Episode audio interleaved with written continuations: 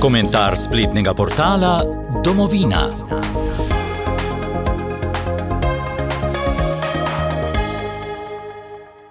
Danes bomo prebrali komentar dr. Andreja Finka z naslovom Pravica mrtvih do groba v svobodi. Republika Slovenija se po 31 let demokratizacije še vedno nahaja v bolezenskem stanju. Znakov, da je naša demokracija še vedno bolna, je več. Eden izmed njih je prav gotovo vladno, državno in ljubljansko občinsko zanikanje pravice do groba vsem žrtvam povojnih pobojev, katerih izkopavanja ni in ni konec.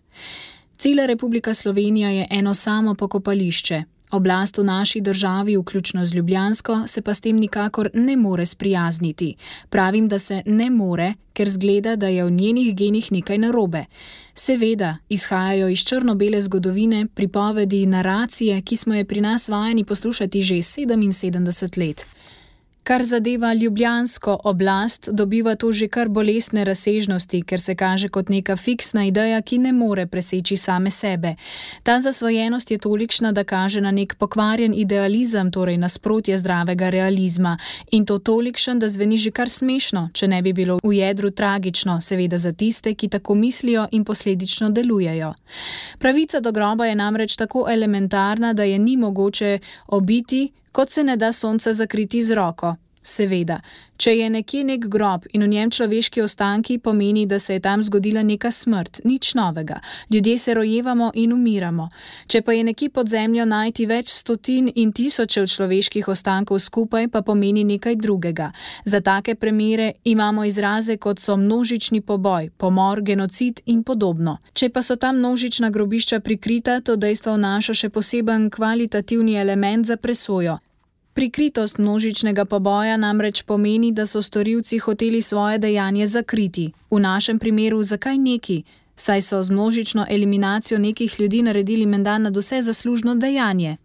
Treba bi bilo nasprotno dejanje razglasiti kot nekaj svetlega za dobro ljudstvo narejenega, pa vendar se je storilcem zdelo, da je treba vse zakriti.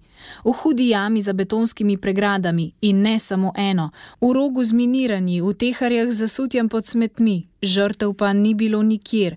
Ob tedanjem spraševanju svojcev, kje da so, so odgovori bili v Srbiji na prisilnem delu in podobno. Šele znanimi intervjujem s Kocbekom v Tržaškem zalivu leta 1975, torej 30 let po genocidu, je vse slučajno dobilo javni značaj. Področje Kočevskega roga je bilo vse do demokratizacije strogo zastraženo, po njej pa je slovenska zemlja začela govoriti resnico. Vse je začelo prihajati na dan, pa še bo. Množična grobišča, kot naprimer pod Macesnovo gorico, najprej zahtevajo soočenje s stvarnostjo kriminalnega množičnega dejanja, ki ga ni več mogoče zakrivati. Bolj se upirajo priznanju zločina, ki so ga že implicitno priznali s prikrivanjem, bolj bo zločin pritiskal na dan. Zgodovina s slavnim potomcem in zanikovalcem zločina na noben način ni in ne bo prijazna. Prevelika je sramota zaradi storjenega dejanja njihovih slavnih prednikov. Edino, kar jim preostaja, je tišina. Za tistega pa, ki najde dovolj moralne moči, kar bi bilo želeti, je priznanje in spravljanje najprej samim seboj, potem pa z narodom in njegovo zgodovino. Po priznanju dejstva pa prihajajo na dan vse posledice, ki nas še spremljajo do danes. Pred dobrim letom je Slovenska akademija znanosti in umetnosti sprejela znano izjavo o spravi ob 30-letnici samostojne slovenske države, kjer med drugim za vse pomorjene zahteva pravico do groba, ki izhaja iz posvečenosti mrtvih kot ene od prav vrednot svetovnega etosa, povezane z zahtevo za rehabilitacijo žrtev medvojnega in povojnega nasilja. Čeprav nepopolna, je ta izjava začeten in važen mejnik na poti do razčiščenja slovenskega javnega življenja. Sicer pa slovenska zakonodaja v polni veljavi že od leta 2015 v zakonu o prikritih vojnih grobiščih in pokopu žrtev zahteva dokončen, dostojen pokop vseh žrtev vojnega in povojnega nasilja na ozemlju Republike Slovenije.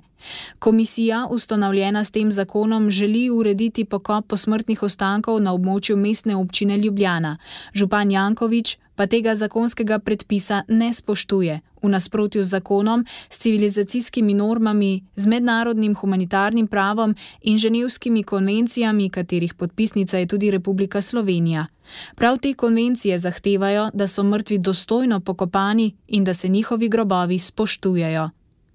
Omenjeni zakon v 11. členu pravi tudi, da pokop zagotovi pristojno ministerstvo.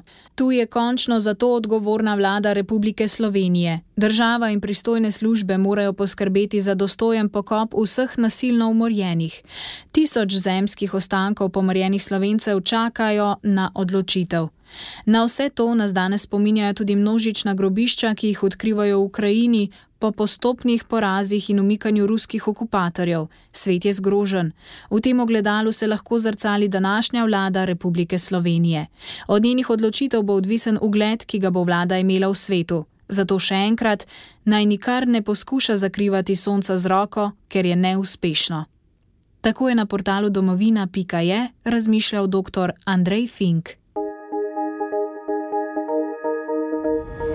Komentar spletnega portala Domovina.